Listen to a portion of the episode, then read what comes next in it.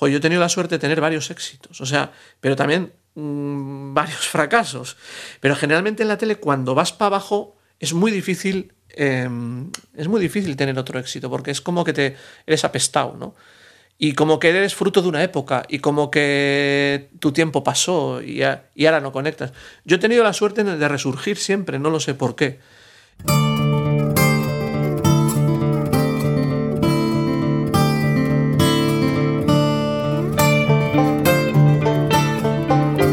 Este es el último capítulo de esta temporada de Estamos Dentro, podcast que realizamos gracias a Ulu Media y EITV Podcast. Hemos querido acabar por todo lo alto y para ello hemos elegido a Óscar Terol. Terol es uno de los referentes más destacados del humor hecho aquí y con lo de aquí. Un kilómetro cero del humor, pero que con nuestras peculiaridades, idiosincrasias y miserias varias, ha conseguido que se rían allí abajo y que nos riamos aquí arriba. Grandes éxitos televisivos como ¿Qué pasa pues?, Vaya Semanita o Allí abajo llevan su firma. También ha tenido algunos tropiezos importantes y de todo ello vamos a hablar en esta visita. También de libros, de música, de monólogos, de pandemias. Yo soy John Martija y esto es Estamos Dentro.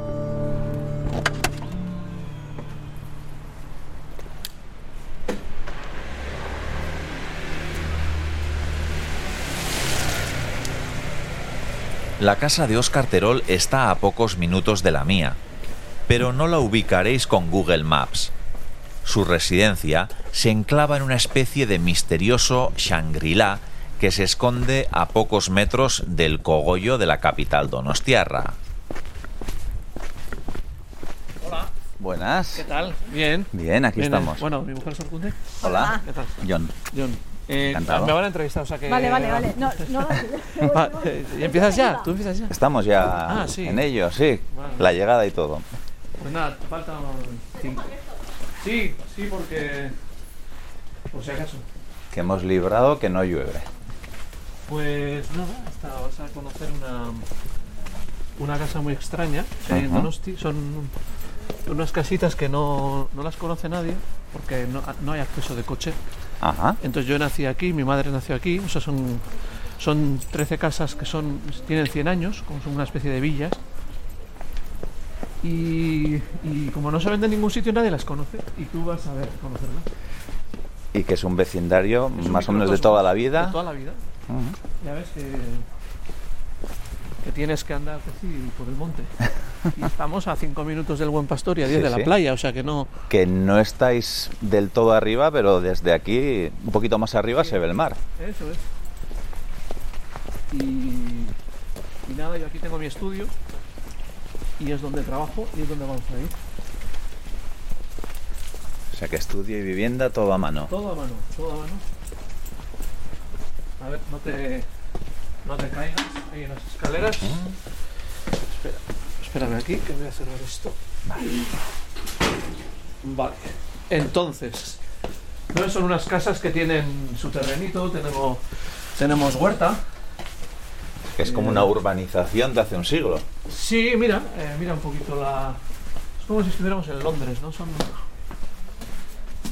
Son unas casas. Son estas casas. Ajá. Que cada una tiene su. su huertita. Yo aquí tengo. Aquí tengo mis gallinas. Que ahora ya estarán retiradas, ¿no? Espera que te enciendo la luz para que. Vale. O sea, son, son un poco extrañas. Si, si llegara a la carretera serían de lujo porque estamos en Donosti. Claro. Pero el problema es que no llega a la carretera, a la solución. Porque aquí si, si quieres meter, por ejemplo, carga o hacer una obra, hay que meterlo desde tú has- donde tú has venido a hombro. Ma- la, mala papeleta. la entrada por aquí todavía es más complicada. Se baja a la estación del topo y son 150 escaleras, que es peor. Entonces estamos en un sitio privilegiado, pero con un acceso del siglo XIX. Curioso. Sí, aquí cuando hay que sacar a alguien en camilla a meter, te digo yo que Sí, no, mejor- es, no, es, no es bonito. No tener urgencias. no, no es bonito. Y este es mi. Quien ama la música ama la vida. Exactamente.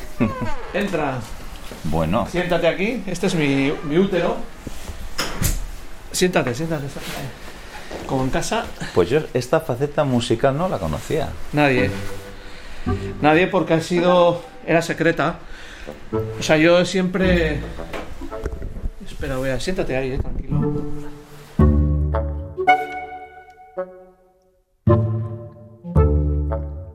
¿Me oyes bien? Te oigo bien. Qué bien, vale. Se oye un poquito la... Quitamos. Bueno, tampoco... No pasa nada. Que hace fresquito. No, sí, tú Hombre, aguantas. Así mejor. Sí. Yo, yo aguanto. Pues en cuanto vea que te congelas, pues lo enciendo. Vale. Los que somos así un poco maniáticos del sonido, Sí. Pues igual mejor así, ¿no? Sí, yo grabo aquí, como vivo solo con mis... Bueno, mis padres están ahí. eh, aquí se graba muy bien, se graba ahí un sonido muy bonito. Pero de vez en cuando, igual, si viene alguien una visita, pues se, se oye de fuera. Yo también soy muy especialito. No es especialito, es un poco... Es que la- hay que, hay que hacer las cosas bien. hay que hacer las cosas bien. Eso es. Oscar Terol, qué placer estar aquí Bueno. en tu choco secreto, ¿no? Pues sí, y te diré que, que es un privilegio entrar. O sea, no, no es porque te lo quiera dar así, pero, pero querías un sitio así mío y es este. De hecho, hay familiares míos que no se atreven a pasar el umbral de la puerta. O sea, abren la puerta y sienten que hay una energía mía que... Aquí el que entra tiene que tener como claro que esta es un sitio sagrado de creación eh, y está destinado a ello. Entonces es como un, un útero artístico donde las musas suelen venir cuando quieren ellas, porque esto... Y entonces todo el que entra, esto no es ni para algo frívolo, es para sentir que aquí se puede hacer lo mismo un guion, una canción, escribir un libro, hablar de un tema que a uno le apetezca, ¿no? Es esto, pues mi templo. ¿Cuántas horas puedes pasar aquí al día? Depende, el- generalmente es, eh, depende de lo que esté haciendo, pues los días de que estoy preparando un espectáculo, que estoy componiendo, que estoy ensayando, pues pueden ser horas. Tampoco yo soy de jornadas de 12 horas, pero puedo estar pues pues todo el día, toda la mañana, la mañana entera, la tarde entera. Me gusta, luego tengo otras actividades, me gusta que siempre haya algo físico, me gusta hacer trabajos también de físicos con las manos, entonces pues le puedo dedicar cuatro, cinco, seis horas. Soy más de, mm, de, de repartir el día, ¿no? Prefiero que dure más el proceso de creación, pero compaginarlo con otras cosas. Que a las gallinas hay que atenderlas también. Hay que atender las gallinas, hay que atender la huerta. Ahora en, en otoño e invierno, pues los árboles echan las hojas, hay que estar, hay que podar algún árbol, en fin. Bueno, pues las cosas de, de vivir eh, con la pequeña naturaleza cerca. ¿Crees que el haber crecido en un entorno como este tan especial, ¿no? como estas villitas escondidas eh, en la zona de San Roque, en Amara Viejo, eh, sin acceso por carretera, ha marcado en cierta medida tu, no sé si tu infancia, tu vida? Sí, porque hay cosas como que son eh, como ejes, ¿no? Yo nunca he tenido vecinos. O sea, no sé lo que es, porque siempre en estas casas vives con la familia. Luego siempre de tu, mm, al abrir la puerta de casa estás directamente en la calle. Yo no sé lo que es un portal. Em, todos los días de mi vida salgo a la calle. Yo no tengo ropa de casa, porque estas casas te obligan a, mm, salir y estás en la calle, está lloviendo, tienes que hacer algo. Entonces es un concepto casi como de vivir en un caserío. Es, es la vida y el trabajo es lo mismo, ¿no? Y luego el hecho, yo nací aquí en esta... Mis padres se casaron, vivieron en este mismo local. Yo lo, lo remodelé, pero aquí nacieron, na- nacimos tres hermanos, del cuatro. Yo me casé, viví aquí, mi hija nació aquí. O sea, quiere decir que me marca, me marca mucho haber nacido. Son casas que no son estándares, eh, son casas que hay que estar siempre haciendo un arreglo, el tejado. Entonces, esta cuestión artesanal de la vida, de ir inventándote mm, las cosas, de ir eh, apañando, de ir arreglando eh, cosas que se estropean, pues me marca porque me hace un- es una mentalidad artesanal, que es la que tengo. Y son casas que, digo yo, están vivas y hay que estar cuidándolas. Y estas casas tan especiales en un sitio bastante privilegiado, ¿no? Estando en San Sebastián, ¿se han librado de la especulación turística? Sí, porque vivimos los mismos en... Las familias son la- prácticamente todas las, las que llevan, vivían los padres, los abuelos, y, sí, sí que de vez en cuando se acerca un constructor y, y hace una oferta, ¿no? Pero bueno, es como habla con alguien y, oye, yo os haría una... Lo que pasa que yo soy como Asteris. Mientras yo esté vivo, no, no van a conseguirlo. Porque para eso habría que tener una, al unísono, como se dice, unanimidad. Y yo creo que algún día, dentro de un siglo, lo lograrán. Pero mientras yo esté aquí, no. Ya cuando las reformas sean demasiadas, ¿no? Y demasiado a menudo pues igual la comodidad de una vivienda nueva, con su acceso, con sus vecinos y todo, ¿no? Ah, mira, yo enterré a mis abuelos que vivieron aquí hasta los noventa y tantos. Mi padre ahora tiene 88 que está aquí en, la cama. Mi madre... Eh, no, mi padre tiene 89. Mi madre tiene 80 que acaba de bajar... Eh, yo eh, estaré hasta el final, como si tengo que bajar con ruedas, sí. Porque ya es carácter, es, yo soy de aquí. Bueno, y parece calidad de vida también, ¿no? Al menos sois longevos los del barrio. mira, em, somos longevos, sí. Bueno, de momento mi familia, ya veremos. Eh, vive, aquí arriba vive el, en la casa de aquí, bueno, vive la madre de, del encargado, el director de Aranzadi del de, la tema de ornitología, un experto, Juan, Juan Arizaga. Y un día le dije, oye, aquí hay muchos pájaros que yo, algunos conozco, otros no, en los, árboles que hay aquí, ¿no? que no son muchos, pero hay un pequeño bosquecito. Y, y me dijo, te voy a hacer un estudio de, porque yo hice un estanque, vienen a beber, se bañan, y, y, me hizo un estudio y me mandó, que me asusté, que había 15 especies de pájaros diferentes viviendo permanentemente, o sea, anidando aquí. Entonces, bueno, pues eso me hizo mucha ilusión, ¿no? Vivir en el centro de una ciudad y tener... Están censados ya. Sí, no sé si empadronados, pero censados. Él me dijo los que había, que, cómo se llamaban y estas cosas. y no, me hizo mucha ilusión, sobre todo hay, hay gatos, hay, bueno, gallinas. En, en verano vienen los... Em, como erizos, vienen erizos que vienen del monte y vienen, se me meten por la puerta para, para comer en la huerta y bueno, pues estas cosas que son un poco contacto con la naturaleza, pues a mí me, me, hace ilusión. Y esto, para el confinamiento, tampoco iría mal, ¿no? No, muy bien. Muy bien, porque yo no, yo no tenía ningún problema para estar todos los días en la calle. En la calle, es más, incluso me dio, un, me dio por hacer deporte, me dio por hacer eh, un poquito correr para, y corría por alrededor de la, de la, casa. Y luego, evidentemente, pues como estás dentro de tu casa, pues yo podía estar en, en la huerta, podía estar haciendo, bueno, pues cosas que otras personas no podían. Tengo un taller que hago cosas de madera, me gusta también, tengo herramientas. Prácticamente, y yo de hecho no soy muy de salir en la calle. Yo confinamiento hice la misma vida que hago cuando no nos confinan.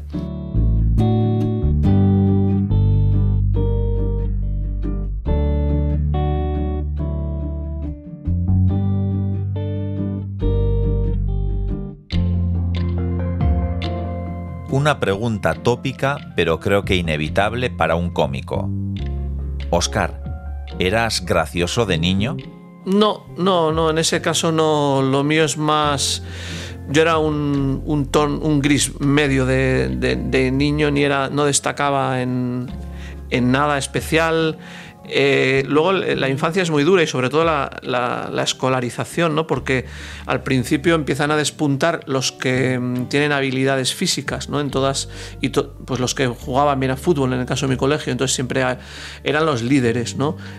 Los que estudiaban, como llamábamos, los empollones, los que sacaban buenas notas, yo no era de esos, yo no era de, los que tenía habilidades físicas. Entonces esas dos primeras cribas, que son las que todos sufrimos, pues te das cuenta que no eres ni de los que van a ser buenos con el fútbol, ni de los ligones de clase, ni de los empollones. Entonces ya te quedas en una zona muy extraña, una zona muy extraña que hay que gestionar. Entonces van pasando los años y no sabes cómo gestionar eso, porque no aparece ¿no? tu sitio. Y, bueno, pues son años duros, hay que reconocerlo, que, que haces lo que puedes, eh, sacas las notas a veces malas, entonces es una infancia bastante normal. Y en un momento dado, pues eh, no le veo salida a nada de los estudios, no quería estudiar nada. Y coincido en clase, en tercero de BUP, con Javier Merino, que es un compañero de clase, que, que había repetido y de repente se me sienta al lado en el pupitre un, chico que ya tenía barba, ¿no? Porque ya había repetido dos veces. y a mí me empieza a hacer gracia eso, ¿no? Y creo que le hice alguna caricatura, porque yo, sobre todo yo dibujaba. Era mi talento, era dibujar. Y, y a él, le, bueno, le llamé la atención y empezamos los dos pues a hacer artísticamente él también era, ni destacaba en los estudios ni en el deporte, y empezamos los dos a hacer cosas artísticas. Pues a él le gustaba el cine, hacíamos cortos con Super 8, hacíamos programas de radio, hacíamos sketches en los festivales del colegio, y, aquello empezó a, a gustar a la gente. Pero bueno, era un juego como... Y seguimos en contacto, seguimos haciendo, yo fuimos al instituto y, allí también no estudiábamos nada, pero nos gustaba el salón de actos, el teatro, y empezamos a montar una obra, la cosa funcionó, la gustó. Y siempre eran cosas que hacíamos nosotros, no éramos de copiar, no éramos de repetir, éramos de crear y fuimos eh, encontrando pues un camino, pero, pero tampoco sabíamos a dónde iba, eso era una cosa más. Y un día eso eh, se convierte en un trabajo, pero de la noche a la mañana. Entonces, yo en clase no era no era se me, ahora me recuerdan todos y dices ya eh, ya me acuerdo que nos reíamos contigo pero es mentira la memoria la memoria engaña porque me recuerdan porque ahora me ven lo que hago y creen que siempre han visto eso pero es mentira. Si yo no hubiera salido en la tele si yo no hubiera hecho lo que hago el recuerdo mío hubiese pasado sin pena ni gloria por la memoria de mis compañeros. Javier Merino y con Lourdes, Bedia, montasteis Lourbiers.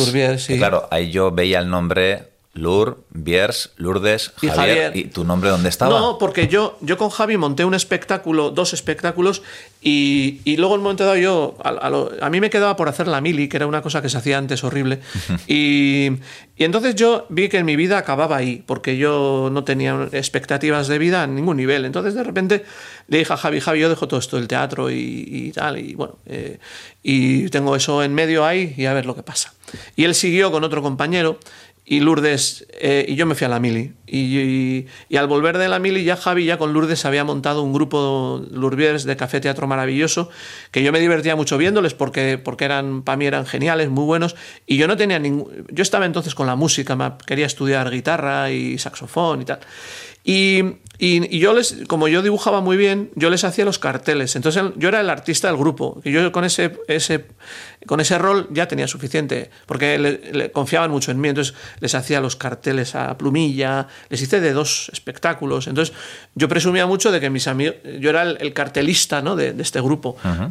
Y un día Javi me tenía un problema porque le habían contratado en otro grupo de teatro para para, hacer un, de actor y tenía miedo de que coincidiera la, alguna función. Entonces me pidió preparar la sustitución en Lourdes por si algún día Lourdes, para que no se quedara sola, aquello me, me pareció demasiado. Le dije, yo no, yo no me veo ahí, o sea. Pero bueno, pues era mi amigo y lo hice más que nada por, por, por, por atender a un amigo y para que Lourdes tampoco sintiera un vacío. Y entonces empezó una relación de amistad. entonces me, me metí un poquito más nunca se dio esa situación y gracias a Dios, porque no creo que lo hubiera hecho igual de bien. Y entonces, em, pero como yo ya estaba dentro de su mundo emocional o cotidiano, decidieron en el tercer espectáculo incluirme como actor. Hicimos ya un montaje diferente a lo que hacían y vino otra chica eh, por cierto, murió Ana Paula Jauregui. Y, y, nada, entonces ya el grupo cambió de rumbo. Y ya, era un grupo, ya eran otros tipos de, Eran más sketches, más lo que hacía yo con Javi antes. Digamos que mi energía empezó a conectar con el Javi que yo dejé. Eh, hace unos años y bueno claro yo ya pues también con ganas de crear ya había ya estaba disfrutando y en ese, en ese tránsito también empecé con la música, hice un, hicimos un espectáculo en el que yo solo era músico, era guitarrista, compuse la música. Y la tele llamó, la tele llamó y dijo queríamos, que querían un programa de humor. Entonces, bueno, pues eh, nos, nos, llamó a nosotros. Yo en aquel entonces tenía, tenía veintipocos años y cosas de la vida, iba a tener una hija. Estas cosas que pasan. Y entonces, pues me agarré a la tele como dije, bueno, pues yo no sé si esto es lo que yo quería o no quería, pero dije, aquí aparece un oficio, aparece una oportunidad y me metí en cuerpo y alma a vivir la, la experiencia televisiva que me ha, me ha, tenido prácticamente 20 años, ¿no? Qué curioso, ¿no? Que en tu trayectoria, bueno, pues las cosas han ocurrido mm, sin haberlas planteado, buscado, ¿no? Mucha gente es como que va definiendo su futuro, su objetivo, marca una línea a seguir, no ha sido tu caso. No, en mi caso la vida me ha regalado una cosa, yo digo, ¿eh? porque lo digo de todo corazón, me ha, me ha regalado en una cosa que es muy importante, sobre todo en la primera, que no he tenido que decidir, porque lo más difícil es decidir. Entonces yo eh, de repente pues yo tenía que ganar un sueldo porque iba a ser padre y, porque yo era muy bohemio, mi, manera de vivir era muy bohemia. Yo estaba aquí todo el día pintando con la guitarra, vivía con mis padres, pues yo con, pues con, muy poco dinero me conformaba porque no tenía ningún tipo de gasto. Pero claro, había una responsabilidad.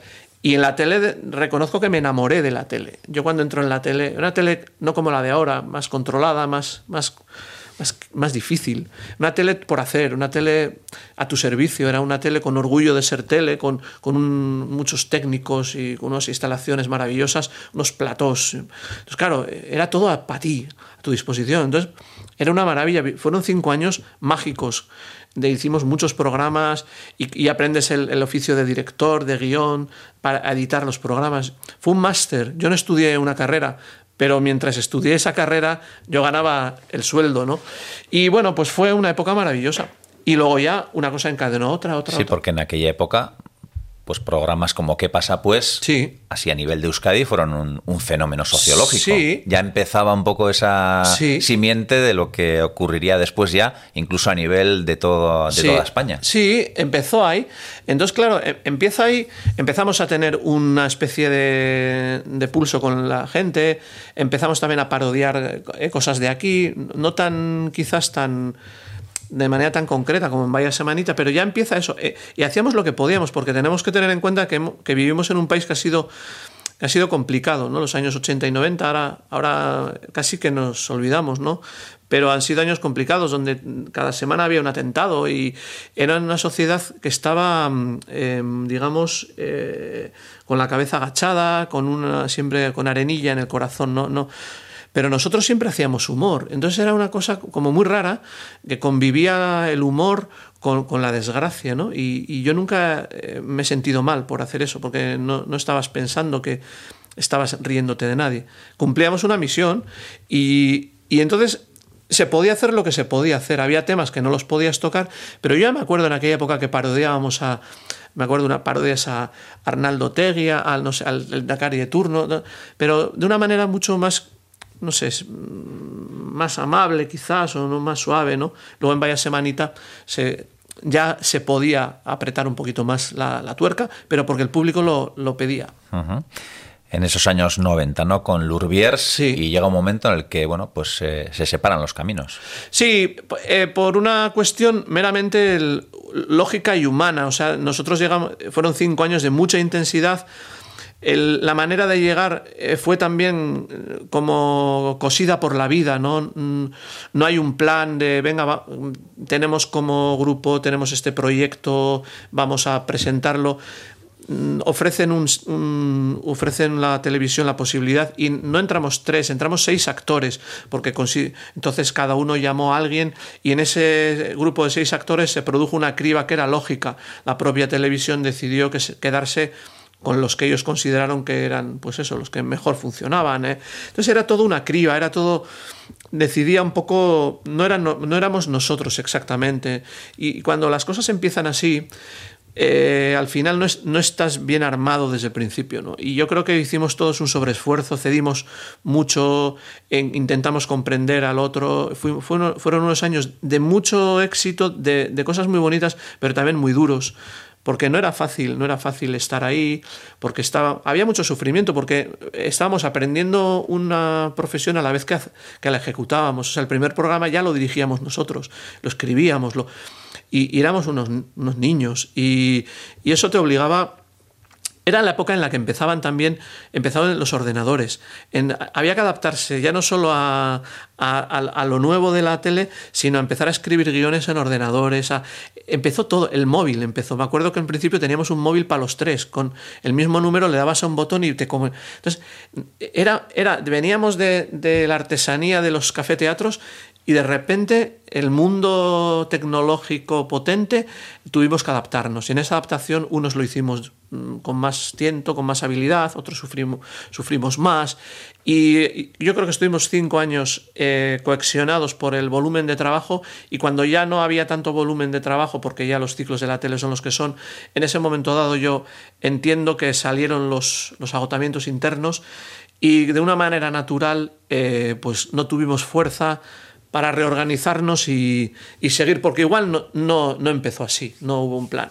Entonces yo agradezco lo vivido y entiendo lo ocurrido. ¿Y qué pasó? Que, cada uno nos quedamos, digamos, por ahí sueltos. Entonces ya empezaron, le llamaron a Javi un productor para hacer una cosa. A mí rápidamente me rescataron para ser guionista de un programa de, de TV1 Sorguín en Laracha que empezaba con mucha, con mucha fuerza, queriendo hacer en euskera un programa un poquito canalla a las noches. Y ya me, me rescataron de ahí y luego ya me empezaron a llamar otras productoras a mí personalmente para hacer para presentar proyectos, tal, programas, bueno, y ya empezó mi carrera en el año 2000, mi carrera en solitario hasta, hasta ahora.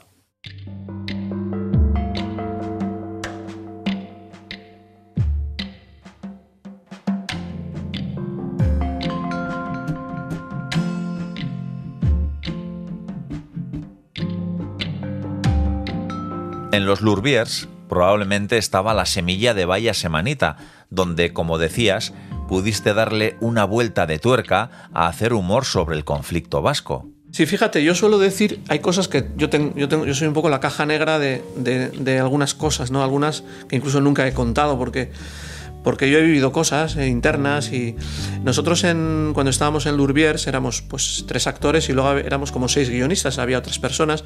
Y siempre, eh, fíjate, en los años 90 solíamos decir, pues eso en las cenas o cuando hablábamos así, sería muy bonito poder hacer un, un sketch en el que hubiese una familia y, uno fuese China y, el otro pues la Cale Borroca entonces no sé si se decía Cale Borroca pues de la izquierda Berchale militante o lo que fuera ¿no? Y, pero nosotros no nos atrevíamos a hacerlo porque en los años 90 eso y no nos atrevíamos no era porque no hubiéramos tenido la idea o porque no fuéramos valientes era porque evidentemente entendíamos que eso el público le iba a parecer una, una barbaridad. Bueno pues en el año 2003-2004, cuando yo llego a Vaya Semanita, que nos juntan a Borja Coveaga y a mí en una productora de Bilbao para crear un programa de humor semanal y entonces empezamos, cada uno va aportando sus ideas, sus y, sus cosas y a sus actores y tal. Entonces es un programa de creación así entre dos. Y, llega un momento que además me acuerdo que, Borja se fue a los tres meses del, del programa como director y yo planteo al equipo de guionistas esta, oye, pues sería una historia, se podría hacer una historia de, uno, un hermano Erchaina y otro de la Cale Borroca que convivan, y los Sánchez, una de las míticas series de, de Vaya Semanita. Es que tenemos dos hijos, que uno es un poco... Bueno, ya te puedes imaginar. Y el otro, el otro, pues eso, pero, Mari, dilo claramente. El uno es Charaina y el otro, el otro, el otro es de la ETA. ¡Que lo tiro, eh! ¡Te lo juro que lo tiro! Tranquilo, cariño. Deja eso donde estaba. Antoñito, por favor. ¿Por qué se puede hacer en el año 2003? Porque en ese momento se puede. Eso, no sé, eh, hay un momento que tú entiendes que tú lanzas ese contenido y el público lo va, lo va a asumir. Y solo habían pasado seis años desde que, o cuatro años.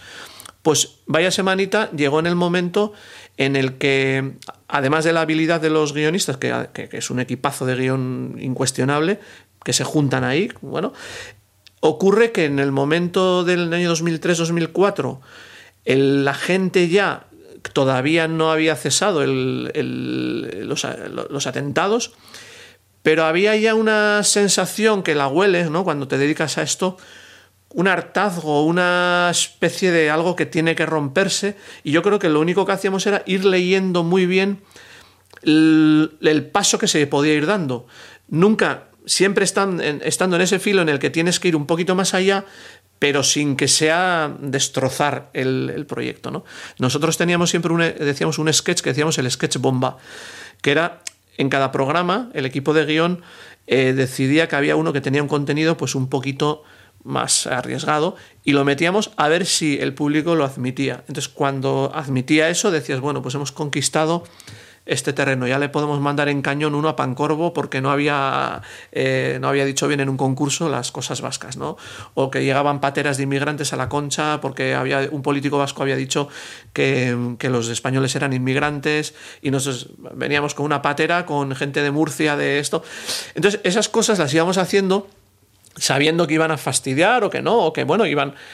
Pero todas esas son las que marcaron el, carácter del programa. O sea, la gente quería que diéramos un paso más. ¿Qué presiones sufristeis? Porque doy por hecho que alguna presión habría. No, ninguna. No.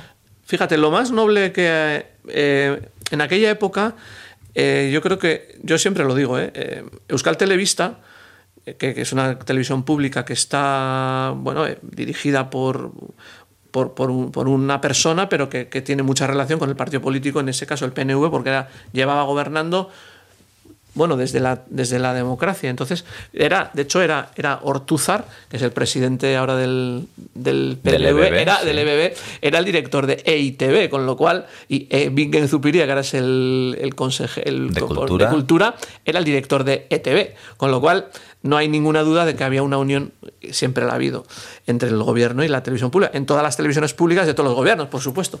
Entonces, eh, yo creo que tomaron una decisión muy sabia, que yo lo tengo que, reconocer, Em, permitieron todo. Porque fíjate, era una época en la que tenían ellos un proyecto que era el Plan Ibarreche, en el año 2003, que era lo que luego han hecho los catalanes, ya lo intentó el Endacari Ibarreche, que era ir al Parlamento español para pedir que se pudiera aprobar el, Plan Ibarreche, que era para que hubiera una consulta, etcétera. Entonces, como sabían ellos que estaban estirando, es una lectura muy mía, que políticamente estaban estirando, sabia decisión que no toma ahora nadie, vamos a permitirnos tener un programa que incluso critique lo que estamos haciendo, porque eso es, bueno, de inteligencia mm, de gobernante y de inteligencia social. Y entonces a nosotros jamás nos dieron un, un mensaje de por aquí y por allá, jamás.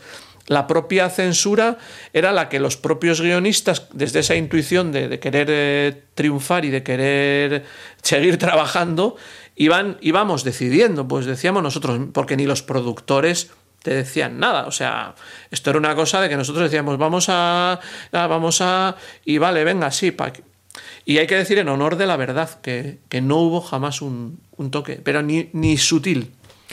Vaya semanita fue un fenómeno absoluto, pero no solo en Euskadi, sino en aquella época ya empezaban los programas de zapping y estas cosas, y en España también fue un, Sí. un bombazo.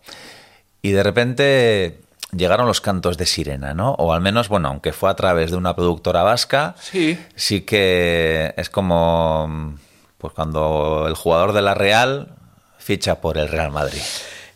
No tanto así, porque mm, no tanto así. El, nosotros en ningún sueño nuestro era el irnos de aquí, porque estábamos felices y porque ya el hecho de que se vieran los zap, yo creo que esta es la mentalidad de pueblo, ¿no? Ya que se nos vieran los zapines, nos, nos hacía felices. Que no os revertía económicamente nada. no, no, nada, nada, nada. Pero, y vuelvo al, al- a lo de antes, ¿no? Aquí no había cultura de que hubiera un éxito, porque Euskal Televista no había tenido un éxito. Entonces, el éxito eh, es muy difícil de gestionar, porque cuando tú tienes un éxito es por algo. Y eh, ahí se dieron muchas circunstancias. Yo digo que hay tres circunstancias. Que el, público ya quería algo así, que la cadena lo permitió, y lo, pongo como una de las patas, pero otra indudable, que se juntó un equipo de talento que es objetivo. Y tú como cadena, como productora, lo tienes que saber oler. O sea, tú tienes que saber que en, tus, que en, en tu, en tu cadete de, de segunda división está jugando Messi con 16 años. Si no lo hueles, luego no te puedes quejar de que ha venido un... ¿Y qué le tienes que hacer si quieres que se quede en tu club? Pues hombre, tienes que sentarte un día a hablar con él y decirle que ya me he dado cuenta que de los 17 goles has metido 16 y que ¿cuánto ganas? Oye, pues mira, pues igual te mejoramos la ficha, ¿qué, qué es lo que quieres? O sea, tienes que hacer una especie de, mirada diferente a lo que haces. Es así en el mundo del arte, en el mundo del deporte, nos guste o no nos guste, es así. Y ahí había un equipo que ya se sabía genial. A mí me encargaron un libro, yo he escrito siete libros, pero el primero me lo encargaron desde, desde el, eh, el grupo Prisa de Madrid, en el primer año de Vaya Semanita. Me llamó un tío y me dice, oye, Oscar Terol, queremos que escribas un libro de humor vasco. yo, pues yo no he escrito nunca y tal. Bueno, bueno no te preocupes. Bueno, yo ya, yo ya estaba el libro escrito y a los ocho meses me llama una editorial vasca y le digo, vais tarde. Es que esto es este país, ¿no? O sea, ya los demás ya sabían que aquí había un equipo capaz de cosas maravillosas y para cuando los vascos nos damos cuenta de que tenemos algo bueno, tienen que venir extraterrestres a decírnoslo. Entonces pasó eso, pasó que este equipo en cierta manera no fue reconocido internamente y cuando ya se le quiso reconocer era tarde. Entonces lo que pasó que vino una productora, en este caso la de Arguiñano, Bainet, y simplemente nos dijo, oye, haríais un programa en una telenacional, si queréis nosotros, os lo aseguramos. No sabemos en cuál, pero tenemos mano o puerta, en, puede ser esta, esta o la otra. Eso me lo propusieron a mí. Y yo les dije, pues, pues no sé, yo soy, yo soy un, ni siquiera soy el director, ni el líder, ni nada. Yo se lo propongo a los compañeros. Yo sí que era la cabeza visible, evidentemente. Y yo les dije, oye, nos han ofrecido esto, eh, esta productora. ¿Vosotros qué haríais? Y todos me dijeron, vámonos contigo. Entonces, pues, pues, pues le dijimos, pues vale, nos vamos, al acabar la temporada, evidentemente. Entonces la, la cadena se asustó. Esto y en. ETV sentó muy mal. Sentó muy mal, pero claro, me dijeron, ¿qué nos, ¿por qué nos haces esto? Digo, yo no te he hecho nada. Yo he recibido una, una propuesta. Se la he comentado a mis compañeros sin yo tener poder de con- contractual con ellos. O sea, si ellos no han querido firmar el contrato es porque no habéis entendido que igual a ese equipo había que haberlo... Ya el, el primer año, digamos, fue un año de prueba, pero el segundo año era un éxito. El segundo año la, la audiencia media del programa era de 35 de Sare en la misma noche que había Gran Hermano y Cuéntame. O sea, de hecho, el día que vino Mercedes Mila entrevistada, se enfadó mucho conmigo porque no entendía cómo un programa de la autonómica hacía más audiencia que ella. Me quitó el guion, lo tiro y dice, entrevístame sin guion. O sea, bueno, a mí me dio igual. Con, con el Boris Izaguirre hicimos un 40, insisto, con Gran Hermano y con Cuéntame. O sea, es imposible eh, que se repita eso hoy en día en una autonómica. Nunca más se va a dar. Y esto era un día a día. Entonces, tú cuando tienes ese equipo, a ese equipo hay que asegurarle, no te digo que, que, oye, que- no es solo dinero, es asegurarle pues, una serie de medios, una serie de... mimarle un poquito. Yo creo que no se le mimó. Bueno, creo no, no se le mimó nada. Y entonces la gente, que ya se sabía guapa, en cuanto vino alguien, pues, eh, oye, pues, pues dijeron, vale. ¿Y por qué? Pues porque evidentemente también te apetece probarte. Entonces no hubo más na- ni hubo dinero, ni, ni- como dicen, te vinieron con un maletín, no, porque ni sabíamos dónde íbamos, ni lo que íbamos a cobrar. Es más, hicimos un programa que duró dos meses y, y al final tampoco económicamente te salió rentable. Pero bueno, yo creo que son cosas que hay que saber lidiar con el éxito y hay que saber valorar lo que tienes, porque luego pasa lo que pasa. Made in China, ¿no? Sí, fue ese ese fue. programa que fue en televisión española. Sí, Em, a priori, bueno, ese fue un aprendizaje también, entiendo, ¿no? Que, oye, lo que aquí funciona, pues allá resulta que no. no, fíjate, no tanto, esa es la lectura que ha hecho todo el mundo, pero yo, pero nosotros tenemos una que es un poquito más cruel. De nosotros gustaban nuestros personajes, que eran la cuadrilla, el Pelanas, los Sánchez, los personajes que habíamos eh, creado nosotros y que nosotros eh, éramos- sabíamos manejarlos. Pero claro, al irte a otra cadena, que tú te vas y sin hacer mucha reflexión, porque de hecho acabamos en junio la temporada en Euskal Televista y en septiembre ya estábamos emitiendo. O sea, ese verano, imagínate la locura. Se grababa en San Sebastián, en Tabacalera, remodelamos todo un plato en Tabacalera. Bueno, fue una locura. Pero claro, te das cuenta que tú no puedes tirar de tus personajes porque el copyright le pertenece a, a la cadena. Entonces te ves con una nueva cadena más potente, si quieres, a nivel de audiencia, pero no puedes, no puedes eh, usar los personajes que te han hecho famosos durante dos años. Y en un verano tienes que inventarte un programa de cero. Luego íbamos detrás de Cruz y Raya, que llevaba ya muchos años triunfando en, en televisión española, para un tipo de público muy concreto, en unos target de, de- de población, unas edades, hacían un humor muy costumbrista, con unos toques de surrealismo, que luego Mota ha sido más surrealista, pero cuando estaban en Cruz y Raya no era tanto, hacían unas parodias muy costumbristas, y nosotros íbamos justo después con un programa totalmente surrealista. Nosotros hacíamos unas cosas como muy raras, que es las que queríamos hacer. Pero yo entiendo que no supimos leer que igual en esa, en esa franja había que hacer otra cosa. Y que los eh, tempos en una televisión estatal, y esta era pública, pero Sí. bueno, el tema de audiencias Sí, sí, sí, y tal, estos son implacables. Implacables. Y luego también que el equipo, el equipo este, que es un equipo, bueno, yo tenía, es como, yo sentía que tenía cachorros de tigre. Entonces los cachorros de tigre están muy bien cuando son cachorros porque les acaricias y aunque te arañan no, pero el tigre se va haciendo cada vez más grande. Claro, el equipo de guion de en el equipo de guion de Made in China, pues estaba Diego San José, Borja Cobeaga, a la postre el guionistas de Ocho Apellidos Vascos, de Diego San José es el mejor guionista de comedia ahora de España, el más reconocido. Había el, no- el nombre no me acuerdo ahora, pero es el que hace que hacía todos los vídeos de- del intermedio, no me acuerdo ahora de su nombre. O sea, había un talento y luego esa gente eran jóvenes, En redes creo que es querido Antonio. querido Antonio. Que no sé cómo se Sí, llama en eso realidad. es, eso es, querido Antonio. Y había otros más, eh, eh, pero es de los que luego han sido los grandes guionistas del siglo XXI. O sea, eh, bueno, eh, era, era un equipo de demasiado bueno, ¿no?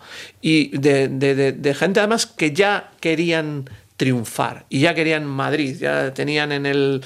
Había algo ahí. Entonces, yo creo que Made in China fue la explosión necesaria para que cada uno nos despidiéramos y cada uno emprendiera. De hecho, los actores también, ahí estaba Gorka Ochoa, que a raíz de eso, pues ac- acabó triunfando en Madrid, Nerea Garmendia y tal.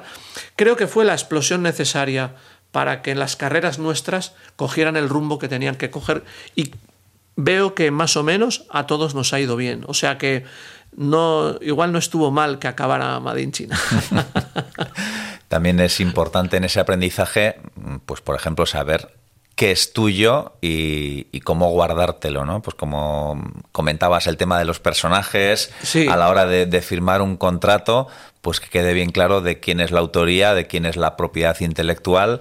Eso también me imagino que a partir de ahí lo llevaríais un poco más atado. Eh, sí, te- ten en cuenta que todo es, fíjate, cuando todo es aprendizaje, pero, pero es que te pilla trabajando 10 horas al día, 12, no tienes ni idea. A ti cuando un productor, cuando eres, tienes veintitantos años, estás en la tele, un productor te firma un contrato, tú en aquella época lo, único que es que firmas porque dices, joder, estoy trabajando en la tele.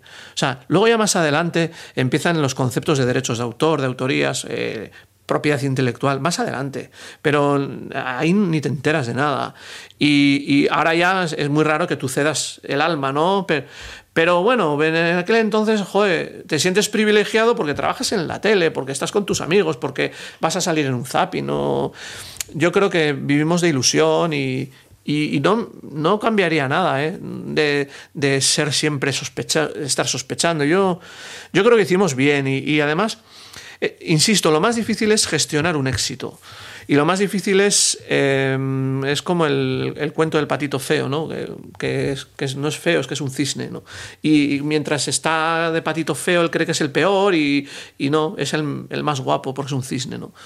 Y este, eh, nosotros sí hemos vivido la gestión del éxito, igual ahora podríamos gestionarlo mejor, porque tenemos ya bastantes palos, ¿no? Bastantes heridas de guerra. Dos meses. Sí, ¿no? sí, Eh, los más duros- Made in China, o sea, dos meses en antena, mm, toda la apuesta, ¿no? Todos los huevos en esa cesta. Oh, durísimo. Y de repente mm, se cierra el grifo. Yo si no moría ahí, eh, no podía haber muerto perfectamente. Yo era el, el director del programa, presentador, el, el- hilazón con la productora, ¿no? Porque la productora habló conmigo, yo era su hombre, ¿no? De, yo no- soy de la productora, pero tenían conmigo mucha esperanza. Y fíjate, la, la crueldad de para un equipo de, de comedia está muy bien. Las audiencias, no, no es broma lo que voy a decir, hicimos 10 programas. 10, me acuerdo. El primero hizo un 17, que no estaba mal, porque pero, Televisión Española hacía audiencias del tren, en- ahora ya no, pero en aquella época del 20, 25. La primera, el primer programa un 17, el segundo un 16, el, el tercero un 15, eh, 14, 13, 12, 11, 9, 8 y 7. Entonces yo, que no había WhatsApp todavía, pero yo me acuerdo que a mí me daban la audiencia el, el sábado a la mañana. El primero, bueno, pa. El segundo, me acuerdo que me sentaba en un banco del Buen Pastor. Yo tenía que mandar el, el dato de audiencia a un equipo igual de 40 personas, a guionistas, actores, productores, eh, técnicos, porque estaban muy involucrados. Y yo uno por uno iba, iba mandando. Llora, yo me acuerdo que eh, cuando íbamos ya por 12, SMS, ¿no? Sí, sí, SMS, SMS, pero llorando, ¿no? 12. Y como, y todo, ánimo, Terol, venga, no pasa nada. Y, y tú ahí con los lagrimones. Fue durísimo. O sea, el proceso horrible, porque veías que te lo habían dado todo, por fin. Grabamos en Donosti un programa de televisión española, que venía el productor de, de allí, de Madrid, se lo llevaba en una cinta en un avión. Yo iba en zapatillas de casa. Teníamos toda la tabacalera para nosotros. Sea, una locura. Lo pides ahora y no te lo dan, de, de lujo. Y, y- y eso, que lo tenías así, es como tener agua en la mano, ¿no? Y de repente ves que el agua se te va yendo, se te va yendo, se te va yendo. Fue, fue muy, muy, muy, muy duro, muy duro, muy duro, muy duro. Verá, desde que usted ha entrado en esta empresa las cosas han ido de mal en peor. Nuestras ventas han caído en picado. Pero, hombre, pero no será solo por mí. Quiero decir que también influirá... se lo voy a decir sin rodeos. Creo que es usted un gafe.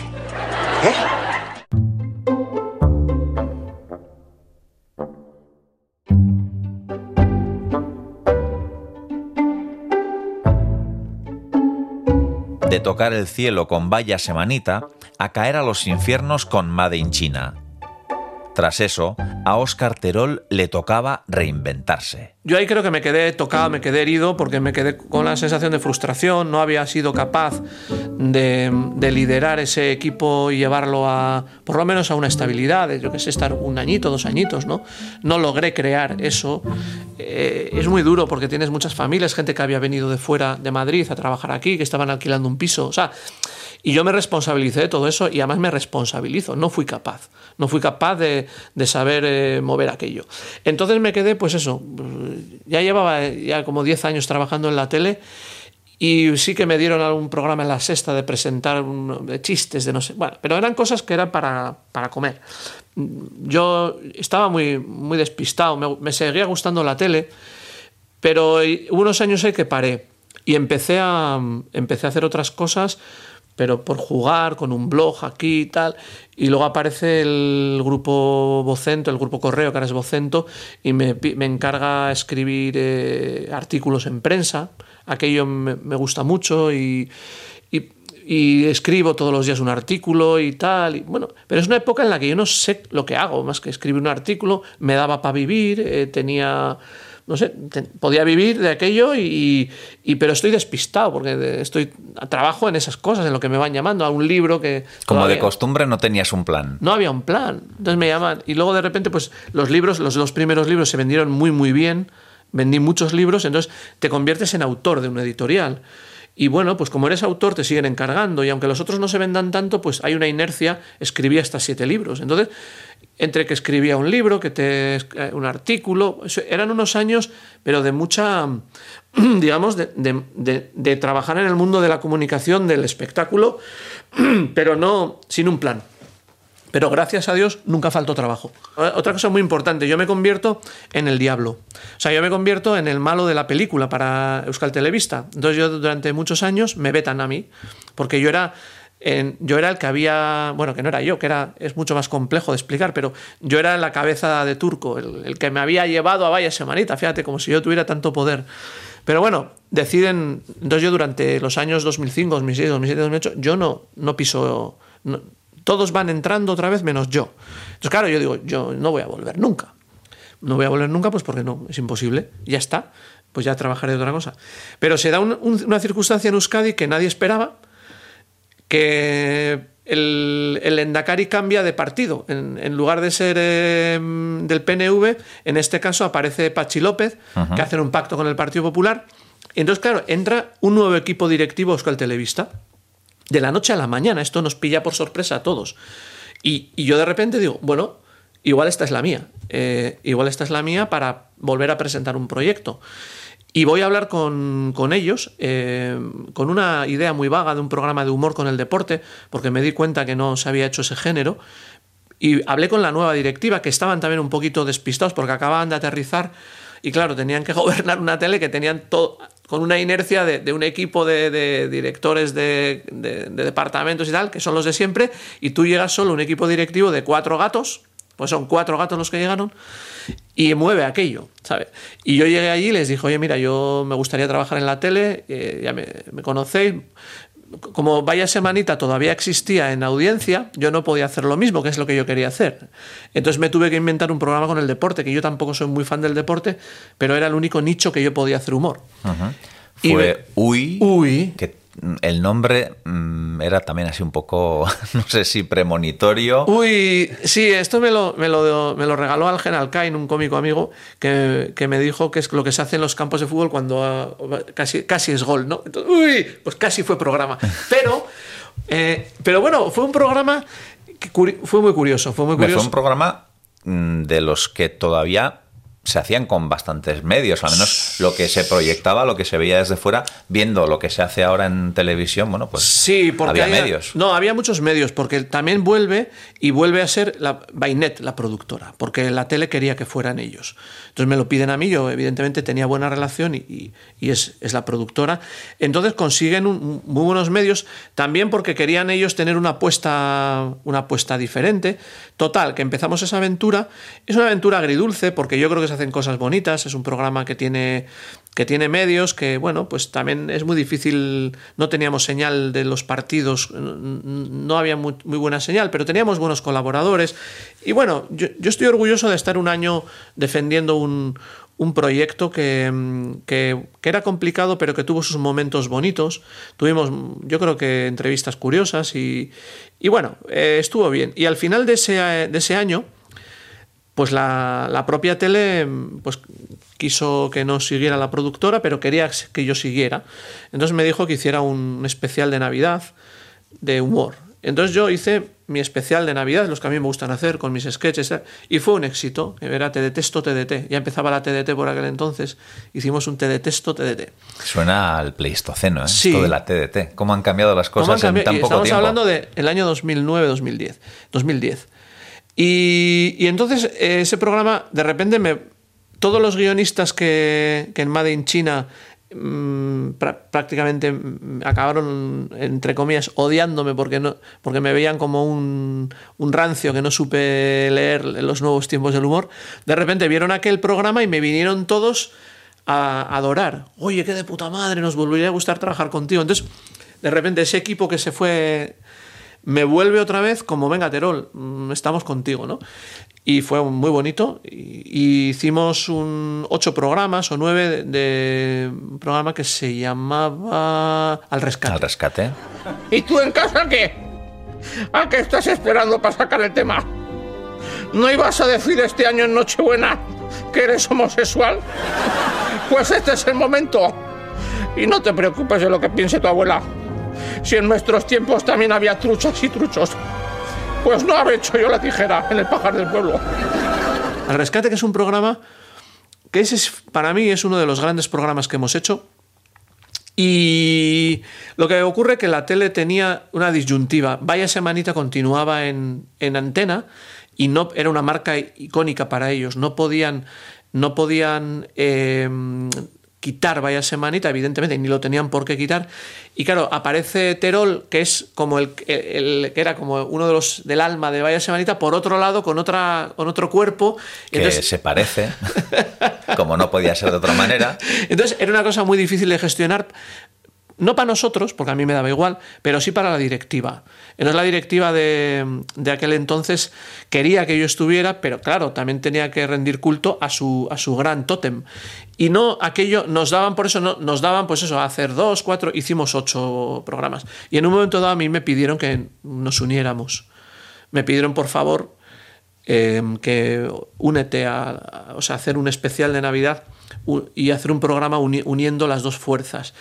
Entonces eh, hicimos un especial de Navidad por cortesía, pero luego yo en esas negociaciones eh, dije que no, dije no, yo no, no quiero, ni quiero volver, ni, o sea, no, yo me negué y acabó la historia, acabó ahí la historia.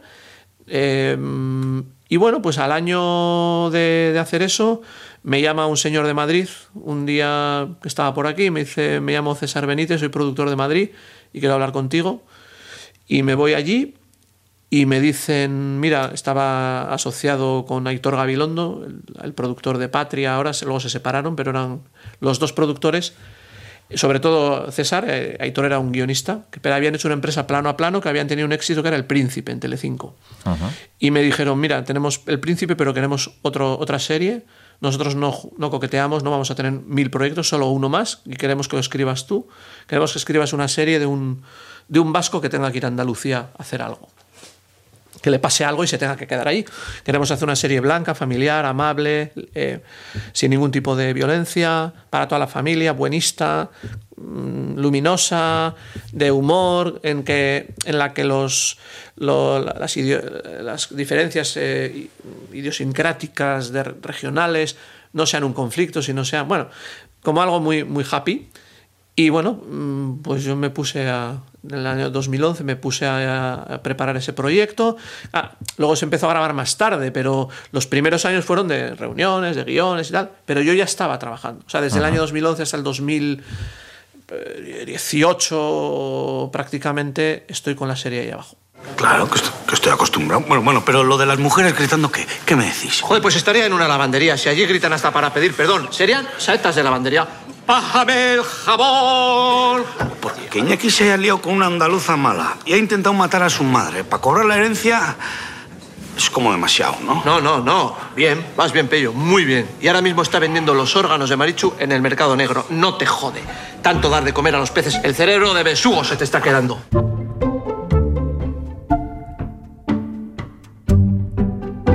Allí abajo fue un nuevo y grandísimo éxito, y eso tuvo que ser un espaldarazo moral. Eh, no puedes ni imaginar cómo. Claro, porque cuando mm, generalmente en la tele y en el arte, pero en la tele, cuando has tenido. Jo, yo he tenido la suerte de tener varios éxitos, o sea, pero también mm, varios fracasos. Pero generalmente en la tele, cuando vas para abajo, es muy difícil. Eh, es muy difícil tener otro éxito, porque es como que te eres apestado, ¿no? Y como que eres fruto de una época y como que tu tiempo pasó y, a- y ahora no conectas. Yo he tenido la suerte de resurgir siempre, no lo sé por qué. Y, y entonces volver a, a poder... Bueno, yo siempre digo que, claro, yo en ahí abajo era uno más de tener la suerte de tener uno de los mejores productores de España, un fenómeno, bueno, los dos, ¿no? Pero luego se separaron y los dos siguen siendo los capos de los que hacen, lo digo capo con cariño, ¿eh? de los que hacen todas las series. Entonces, yo aprendí de lo que es la producción, de lo que es estar con un grande de la producción. Y vi cómo se hace para que un proyecto llegue a buen puerto. Y eh, yo- estaba yo ahí dentro, ¿no? De, entonces, bueno, y luego el, el- el programa funcionó, dimos trabajo a mucha gente, amigos. Yo, era un divertimento muy bonito ir a Sevilla a rodar con tus amigos. Prácticamente los personajes vivían lo mismo que los actores, porque era la misma historia. Éramos vascos ahí perdidos ahí en Sevilla y entonces era- nosotros no interpretábamos, nos poníamos otra ropa. Y, o sea, nosotros nos levantábamos de la- del hotel en el que estábamos viviendo, el plato estaba a, a 100 metros, e íbamos ahí con nuestra ropa que era parecida a las que sacábamos del hotel, nos daban otra camisa que yo decía es parecida a la que llevo, y yo hacía lo mismo, que era sentarme en una mesa con mis cuatro amigos, estar ocho horas como hablando de tonterías, y luego acababa el rodaje y a las 6 de la tarde íbamos al bar de enfrente, nos sentábamos con nuestra ropa en otra mesa, haciendo lo mismo, y me acuerdo que salían los, los técnicos, los actores, se nos miraban y decían, estos son idiotas. Y nosotros les miramos, es que no entendéis, es que para nosotros esto es la felicidad. y acabamos a las dos y media de la mañana con el segundo gin tonic, y al día siguiente lo mismo. O sea, mm, era como estar juntos nosotros cinco años. Y, y- y es una locura maravillosa.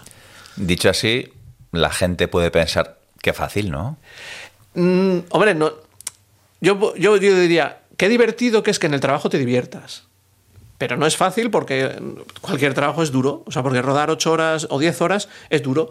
Es duro porque, porque una cosa que tú harías de una manera, hay 60 personas, hay un director que es el que decide, el cam- o sea, estás trabajando para el de sonido, para el de luz, para no sé qué, para el de vestuario, y eres al final, eres el actor no deja de ser una especie de, de marioneta y hay sufrimiento porque son horas, porque te cansas, porque tienes que volver, o sea, no, como todo trabajo, eh, hay que esperar muchas horas, tienes que volver a un nivel de energía, acordar, bueno, es complejo recordar texto porque cada secuencia, un día haces seis secuencias y si tienes cinco o seis frases en cada una, o sea, la mente está constantemente. Es decir, no es fácil, es trabajo, pero puede ser que sea un trabajo y además eh, aburrido o árido, pero si tienes divertimento y tienes buena relación y buen rollo, pues eso, eso que le quita a lo, a lo duro del trabajo, le quita pues esa aspereza.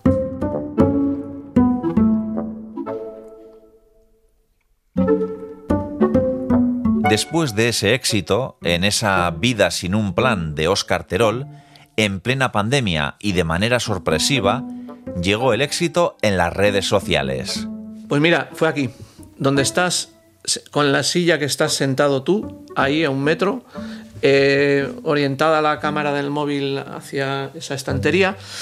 Eh, yo, mm, eh, yo tenía un Instagram porque yo no soy de redes, no me gustan, no me gustaban, ahora, bueno, ahora tampoco, pero bueno, ahora las uso.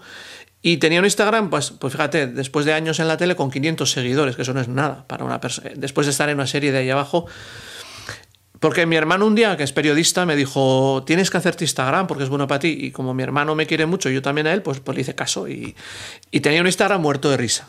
No, le, no sabía ni grabar un, un, un vídeo. Y un día en el confinamiento, que yo creo que el confinamiento a todos no, nos dio esa posibilidad de hacer locuras de, o de plantearte cosas, pues yo me senté ahí y una de las cosas que me hacía gracia que cuando llevábamos tres días confinados ya había gente que, que, estaba haciendo el camino Santiago en el pasillo de casa, que hacía gente hornos de pan en el balcón cuando te estaban vendiendo el pan abajo, ¿sabes? Unas locuras que no, no eran no eran normales. Gente haciendo cerveza artesana cuando teníamos los. Eh, nunca tuvimos eh, falta de, de cerveza en, en, los. Entonces era una cosa como. Me pareció una. Y todo el mundo hacía como gimnasia, pilates, eh, cursos de no sé qué. Y digo, a ver, ¿no podéis estar tranquilos si llevábamos tres días? Entonces me dio por hacer un vídeo. Que era, que era muy lógico de mi manera de pensar del humor, ¿no? Pues me preguntáis a ver si es posible estar estos días confinado sin hacer nada, o sea, sin hacer yoga, sin hacer pilates, ejercicios físicos, juegos de habilidad. Y bueno, pues sí, eh, doy fe de ello. Se puede. Incluso si se puede engordar estos días, y sí, se puede engordar. Eh, mañana voy a hacer un tutorial de cómo estar sentado en una silla sin hacer nada durante primero un minuto y luego lo vas alargando cada día. Yo ya pues puedo estar incluso una hora sin hacer nada, Nada es nada, ni meditar, nada. Lo que hacíamos antes de, de, todo esto. Iba a colgar el tutorial hoy, pero, pero es que justo me habéis pillado en la hora de, de no hacer nada.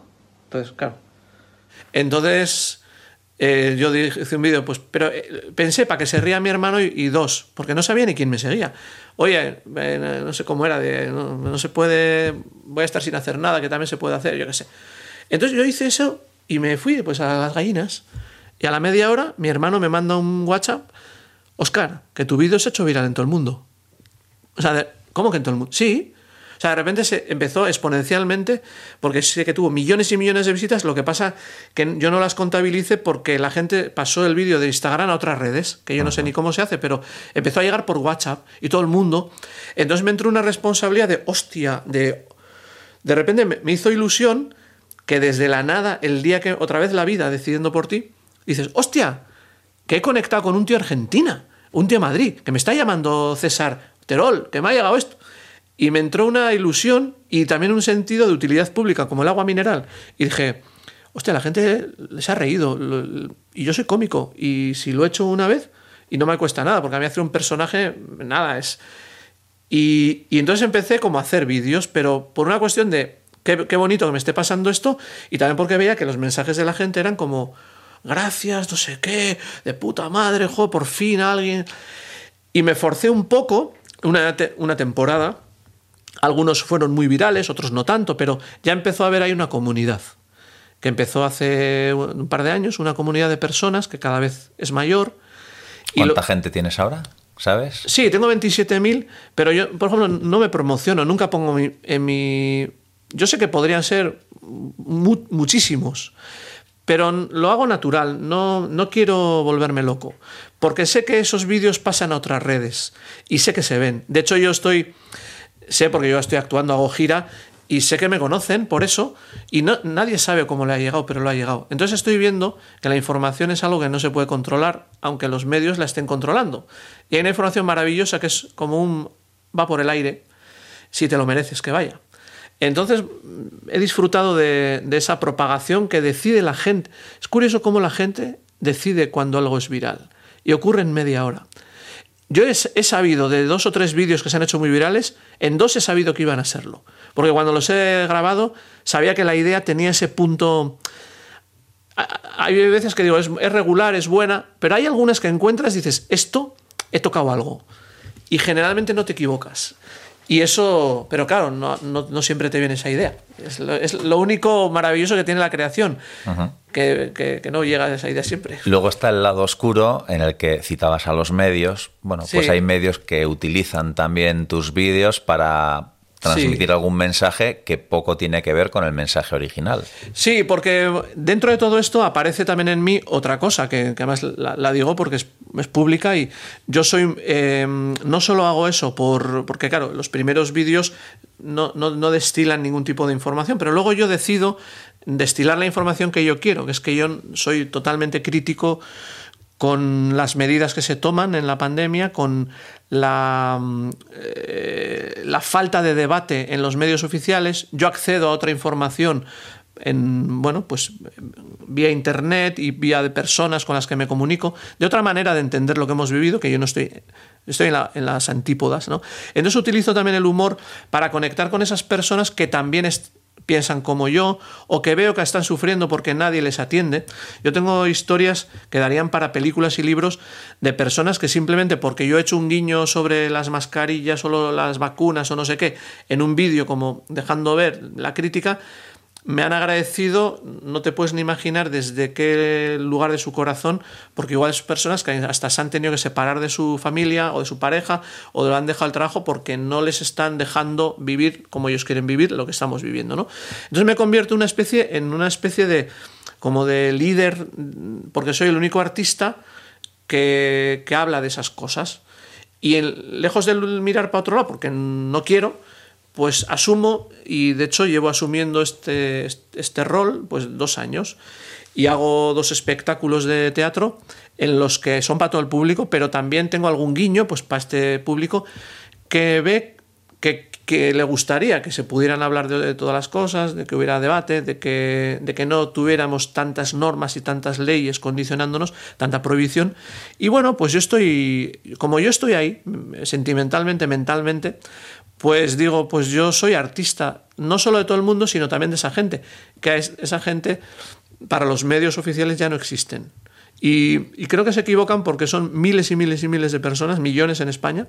Es un porcentaje, no es tan pequeño, de personas que quieren vivir de otra manera y no se les está atendiendo injustamente para mí. Y bueno, pues eh, yo no sé si soy el de las causas perdidas, pero creo que no es perdida y me merece la pena. Bueno, ese proceso que también, como comentabas, da pie a, a un espectáculo. Sí. Eh, la fórmula, ¿no? La fórmula de yo este último espectáculo lo vi en el Principal Donostiarra y me admira esa capacidad de salir a un escenario solo, sin nada que te arrope, más allá de la guitarra, de la que luego sí. Pero el estar hora y media, ¿no? Eh, hilando un, un, discurso, un discurso humorístico con sus picos, con sus valles, pero esa capacidad de, de estar conectando con el público eh, tiene que ser también un, un subidón, ¿no? El, el ver que, que, las risas no son enlatadas, entre comillas, sino que tienes el público delante y que está reaccionando a lo que haces. Ah, otra cosa es que yo en el año, en el año 2019, yo, después de todo lo que he hecho en la vida, de repente tengo 50 años o 49, no me acuerdo, sí, creo que tenía ya 50, y, estoy ya cansado de 30 años de profesión y también, digo, me queda media vida por delante. Y entonces yo no sabía lo que hacer, porque también me gusta la música, pintar, escribir, la tele. Entonces dije a mi familia, bueno, eh, te, me aguantáis económicamente un año, entre me das tú esto, lo otro, me aguantáis el año 2020, yo quería hacer un año sabático para parar y a ver de qué me enamoro. Digo, a ver, Oscar, ¿qué es lo que te apetece, a qué te apetece dedicar la energía el resto? Pero necesitaba parar porque todavía tenía la inercia de la serie. Entonces de repente yo me paro en, el, en enero del 2020 y se para el mundo. Entonces dije, no, por favor, que no era esto. La plan. que liado. La, que, era, que, que, no era esto, que yo, que yo tenía que pararme, pero vosotros tenéis... Entonces entro todavía ya más en una crisis existencial, porque digo, entonces ya sí no puedo decidir a qué me dedico, encima que si el virus, que si su puta madre. Entonces de repente... A una vez que querías hacer planes... Pues, pues exactamente. Entonces, me ya, entonces, entonces empiezo a hacer las, las, bromas estas de esto y justo en estos días de me llaman de la sala BBK de Bilbao de un proyecto que querían a músicos y humoristas vascos les pidieron un concierto o un espectáculo para eh, en streaming hacerlo en, en, YouTube para la gente de casa. Y me dice Terol tú tienes algo y no tenía nada pero como yo siempre digo que sí Así, yo digo, sí, ya te haré algo. Entonces, durante el mes de abril del confinamiento me preparé un monólogo, pues hablando de los virus, de, la- de las mascarillas, lo que andábamos. Entonces me fui a Bilbao, se grabó ahí en una. Bueno, se emitió en directo con las cámaras a 20 metros, era como que parecía que tenemos, todos teníamos ahí el ébola. pero bueno, y aquello, pues nunca había hecho un monólogo yo de tan largo, había hecho monólogos de 10 minutos para una gala. Entonces yo hice lo que pude y lo disfruté. Y me llevé y dije, ay, si yo también tengo dos canciones por ahí de humor que hice hace varios años. Y dije, pues las llevo y las canto y tal. Y aquello gustó mucho. ah, y entonces me, me dijo una amiga actriz, Maribel Salas, oye, qué bonito, qué bien. ¿Por qué no le dices a este representante que te lo mueva? Y dije, ah, claro, si lo tengo. Pues, le llamé a un a Tipía de Vitoria y dije, oye, ¿me mueves esto? Bueno, pues empezó, empecé en Portugalete, tal, no sé qué. Lo fui mejorando, lo fui. Empecé con dos canciones, acabé con cinco, donde tenía una hora, lo llevé. Pero bueno, oye, en la, en la pandemia esta, que se dice, hice 80 actuaciones. Entonces dije, ya está, esto es a lo que yo me tenía que dedicar. Entonces, esto que me preguntas, lo he ido construyendo pues sin darme cuenta, ¿no? Primero era una cosa que te encargan, que lo haces un poco por obligación ahí en un sin público, entonces no, no te da tanto miedo, y luego vas y eso, unas fiestas, y como en las primeras actuaciones el público estaba con mascarillas, separados 5 metros, era una locura, yo creo que incluso asustaba menos, o era una cosa muy rara, porque tenías una, como una vocación de servicio, además de... Entonces fui testándome ahí, la cosa iba funcionando, y ya las últimas vine a Donostia al principal y funcionó muy bien. Y ya, ya, pues ya en la mitad de ese proceso dije, esto es lo que yo quiero hacer. Estoy disfrutando con el humor, estoy disfrutando con la música, estoy disfrutando. Y ya yo ya hice un plan de vida. Entonces yo ya le dije a este chico, le dije, mira, pues voy a estrenar otro antes de que se acabe la pandemia. Voy a- y ya vamos a hacer un, esto, un, un plan de, me quiero, de- le dije, me quiero dedicar, es como dos que se conocen, me quiero casar contigo, ¿no? Pues yo dije, por primera vez en mi vida, dije, me quiero casar conmigo. Y, y lo decidí hace año y medio y ahora no lo cambio por nada del mundo. ¿Y si llaman de la tele? No, la tele ahora mismo yo creo que no puede asumir un programa de humor como yo lo haría. No creo ahora en los medios. Esa es otra, ¿eh? Eh, lo que hace 20 años o 15 años se podía hacer, eh, tanto por medios como por, bueno, pues esa Yo- censura velada. Yo s- es sin velar, ¿eh? Yo lo soy muy claro. Yo, yo por ejemplo, digo, mira, yo, yo he hecho humor con las vacunas, con las mascarillas, lo hago. Eh, yo tengo mi línea, y, pero tengo, me vienen a ver a los espectáculos gente que se ha metido 20 vacunas y gente que ninguna, y todos se ríen. Esto es lo sano. Es decir, yo no juzgo y, y- y no impongo. Pero ¿por qué no vamos a, a reírnos? A ver, todos hemos llevado una mascarilla. Objetivamente eso no te apetece. Entonces, el cómico tiene que decir, joder, que, tiene que hacer humor con eso. Qué incómodo es cuando le, vas a dar un beso a tu novia y te la tienes que bajar, o cuando vas a coger la bolsa del el hipermercado y, y soplas y no se abre. Esto es nuestra misión.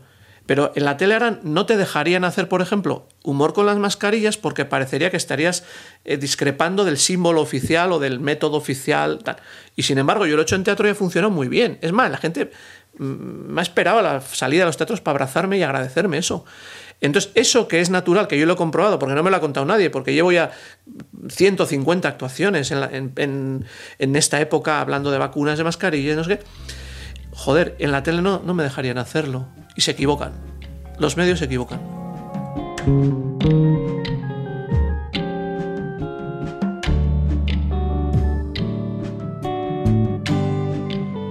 Oscar, después de tantos años de profesión, después de tantas carcajadas provocadas, después de descubrir qué vídeos pueden ser virales, ¿tienes la fórmula mágica del humor? No la tiene nadie, afortunadamente. No, no, la, no la tengo yo, afortunadamente. Eh, esa afortunadamente lo digo con más pena, pero yo cuando te decía que sabía que iba a ser viral es porque ya lo había grabado y lo había, y lo había visto, pero claro, no soy capaz de reproducir esa idea al día siguiente. A veces te viene una idea, como al publicista le viene una idea que dices, joder, y luego te vienen otras de oficio. Yo creo que cuando ya tienes una carrera de 30 años, lo que sí tienes es un oficio. Quiere decir esto, que es difícil que hagas algo muy mal. Es difícil que un publicista que lleva 30 años haga un anuncio muy malo. Puede ser que no sea eh, ese anuncio o, o que el cómico, esa genialidad. Pero bueno, vas a hacer algo porque tienes oficio. Entonces, el éxito no sé dónde está.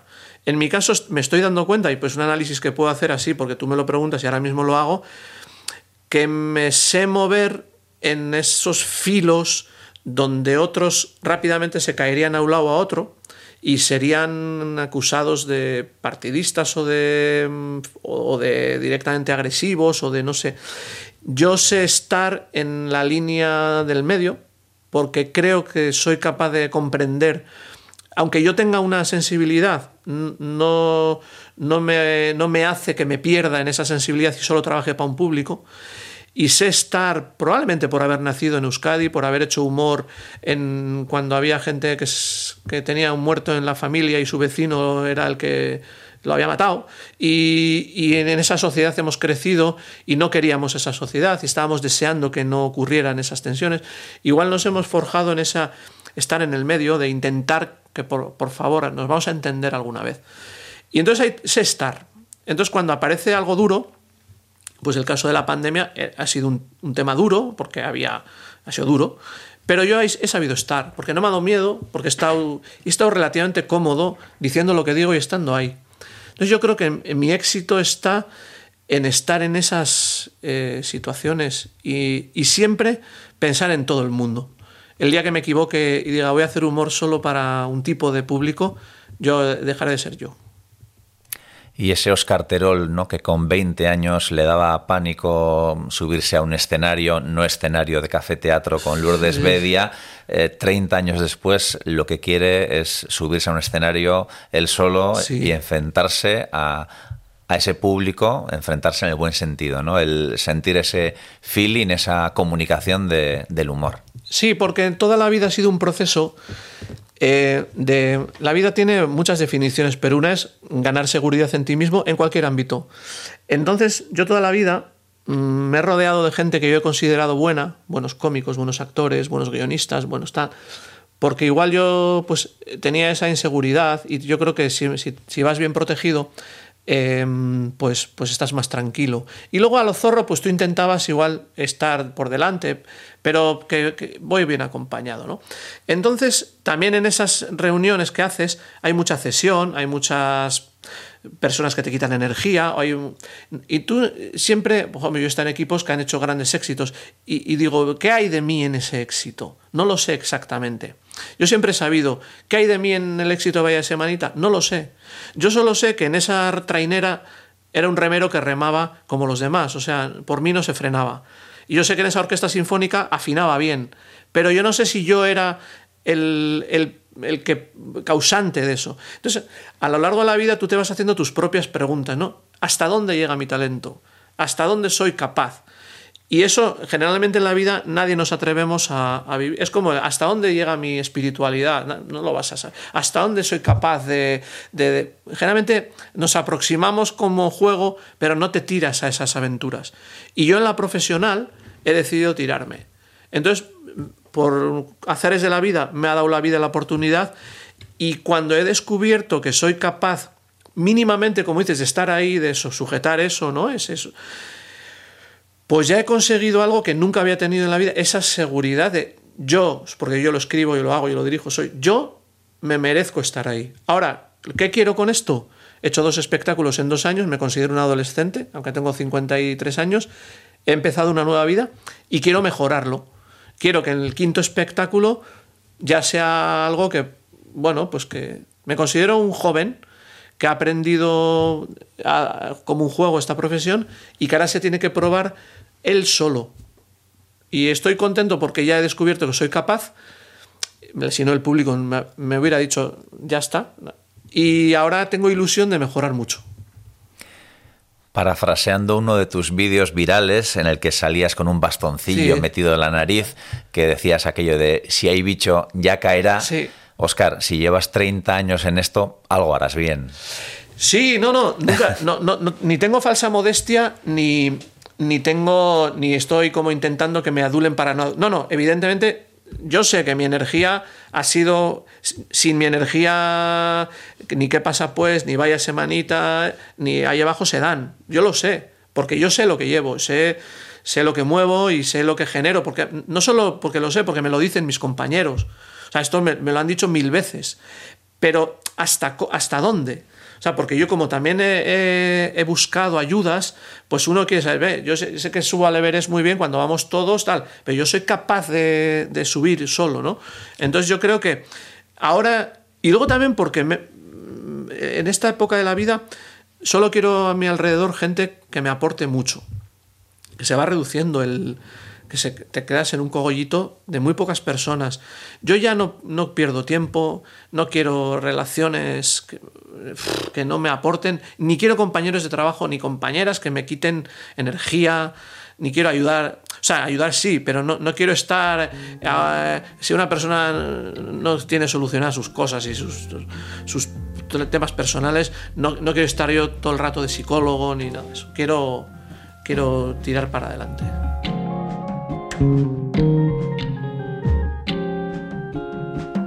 Y cuando Oscar Terol descubrió que lo que quería hacer lo podía hacer él solo sobre un escenario, reactivó su sueño de adolescencia de ser músico.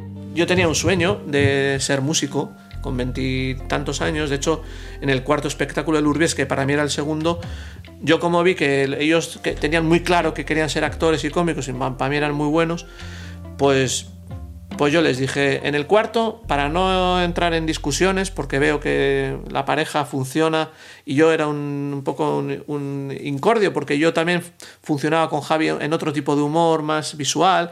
Entonces yo veía que estaba alterando yo un poquito el, equilibrio. Entonces dije, me retiro y me dedico a la música.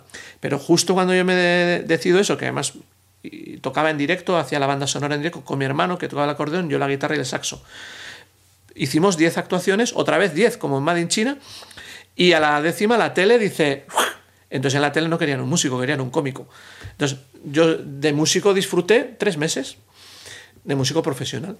Entonces, eso se paró cuando yo tenía 25 años y yo lo he ido manteniendo. Claro, en estos años yo pues he cogido la guitarra de vez en cuando pues para hacer para ir mejorando un poquito, he grabado alguna música pues para alguien que me ha pedido, hice una banda sonora de un documental o cada vez que necesita alguien algo, humildemente yo se lo grabo aquí, a veces no le digo que es mío y le digo que te gusta esto. Así, ah, pues mira, te lo doy, es mío. Pero siempre sintiendo como que yo nunca voy a ser un músico porque para eso necesitas dedicarte. Pero en esta época de la vida, que tengo mis guitarras y todo, pues digo, a ver, si me gusta y también más o menos lo hago notablemente, pues lo saco, ya está. Y soy muy feliz porque eh, eso que dejé ahí medio aparcado, pues ahora lo hago, lo disfruto, no sé a dónde va a llevar, quiero cada vez que las canciones sean mejores, estudio mucho, le, dedico mucho a las letras y, estoy horas tocando la guitarra porque quiero ya que salga al escenario. Oye, la, gente paga sus 20 euros de entrada, que lo que vean, por lo menos vean que está bien hecho, ¿no? Citabas el saxo, Sí. la guitarra, veo por ahí un banjo también. Sí. ¿Qué instrumentos tocas? Yo empecé estudiando saxo, solo es, yo solo he estudiado saxo. Lo que ocurre que estudié también eh, armonía de música moderna y jazz y arreglos. Y entonces al- en- ahí entendí cómo funcionaba la música pues, con 20 años.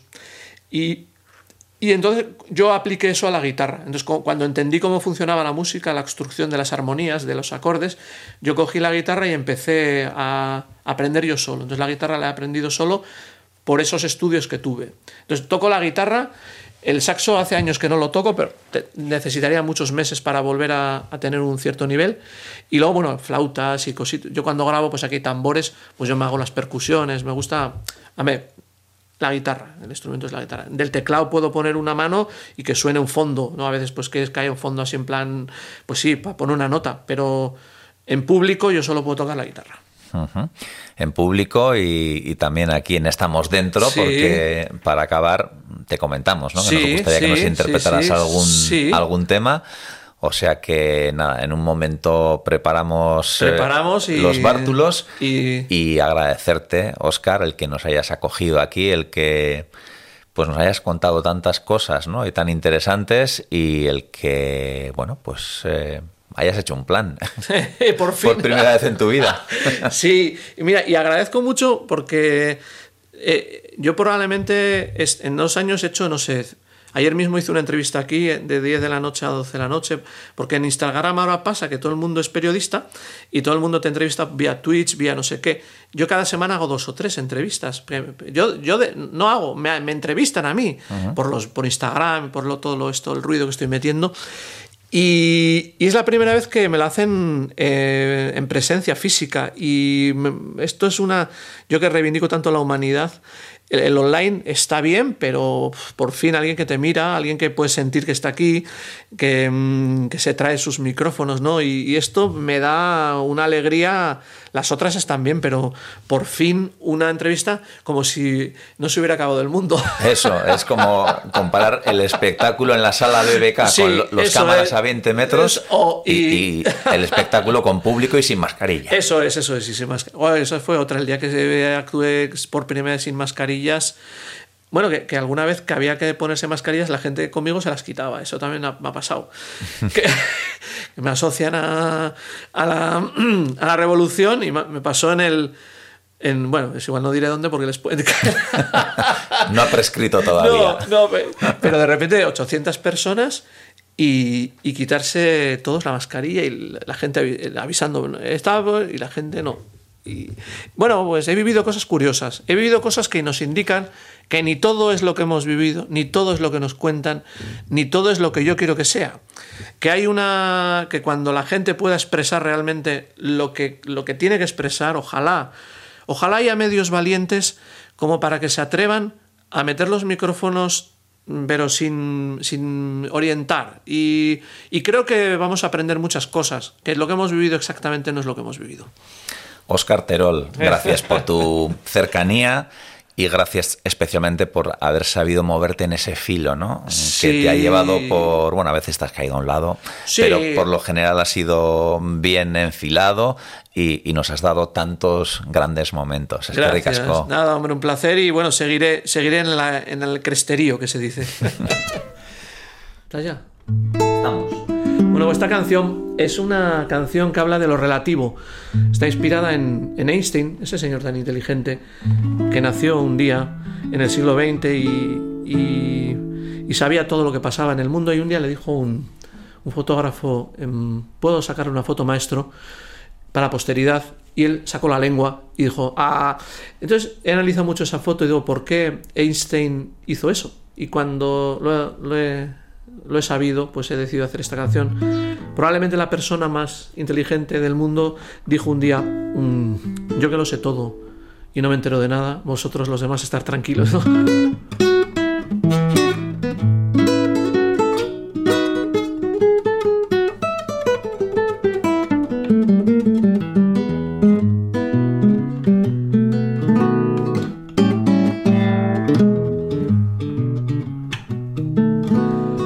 Te cura, te envenena el que te quiere, te encadena incluso tu madre, esa santa señora que te dio la vida entera y todo su amor. Cuando mejor estabas flotando en su interior, la muy desalmada te empujó con fuerza al exterior. Dicen los que saben de la sabiduría que al dejar de buscar algo es cuando lo encuentras que siempre que te desvías aparece tu camino y aunque suene extraño para sentirte libre tienes que aceptar humildemente tu destino.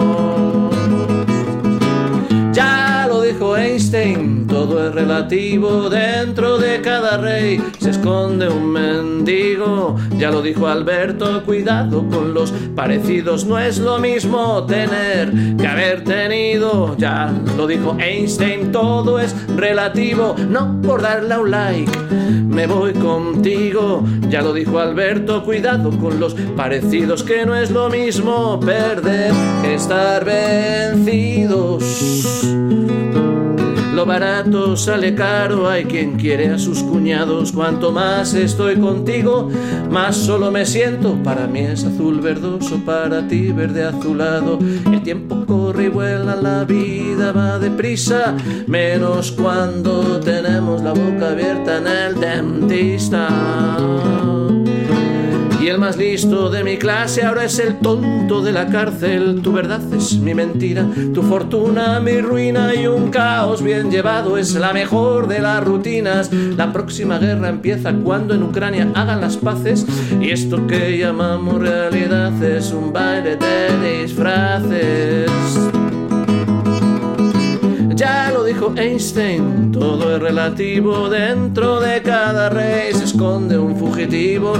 Ya lo dijo Alberto, cuidado con los parecidos, que no es lo mismo querer que haber querido. Ya lo dijo Einstein, todo es relativo, no por darle un like, somos amigos. Ya lo dijo Alberto, cuidado con los parecidos, que no es lo mismo estar enfermo que dar positivo.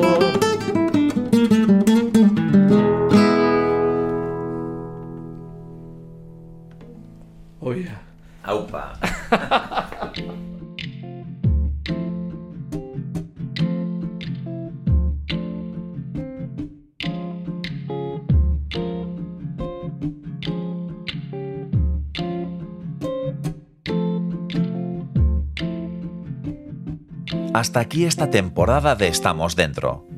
10 casas, 10 anfitriones y mil y una historias que espero hayas disfrutado. Quiero agradecer una vez más a Ulu Media y ITV Podcast la oportunidad que me han dado de compartir todos estos testimonios contigo. Rebusca en ITV Podcast o en la plataforma de audio que acostumbres a usar porque puede que se te haya traspapelado alguna de las visitas. Y si te suscribes, esa misma plataforma te avisará cuando empiece una próxima temporada de Estamos Dentro, que espero que haya. Hasta entonces, un saludo de quien os habla, John Martija, muy honrado y agradecido por vuestra complicidad.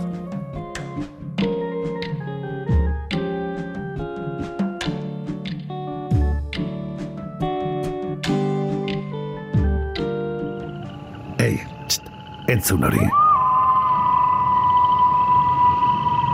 Ulu Media.